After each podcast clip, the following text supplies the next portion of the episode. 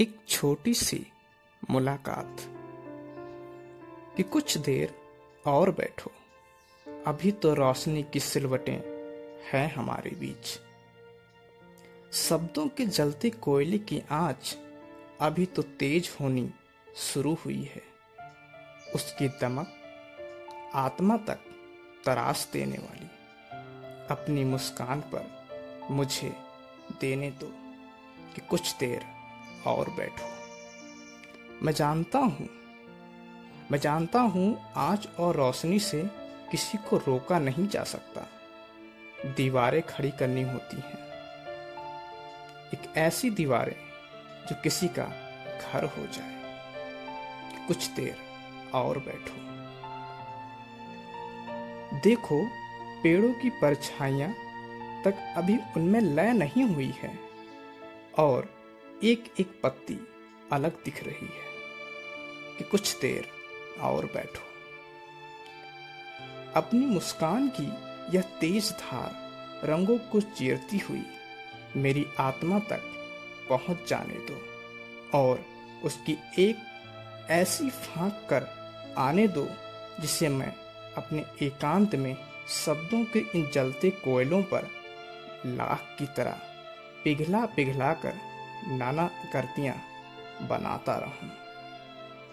और अपने सूनेपन को तुमसे सजाता रहूँ कि कुछ देर और बैठो।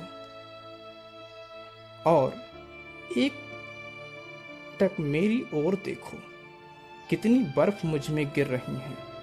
इस निचाट मैदान में हवाएँ कितनी गुर्रा रही हैं।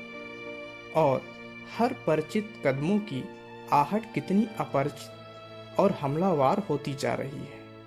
कि कुछ देर और बैठो।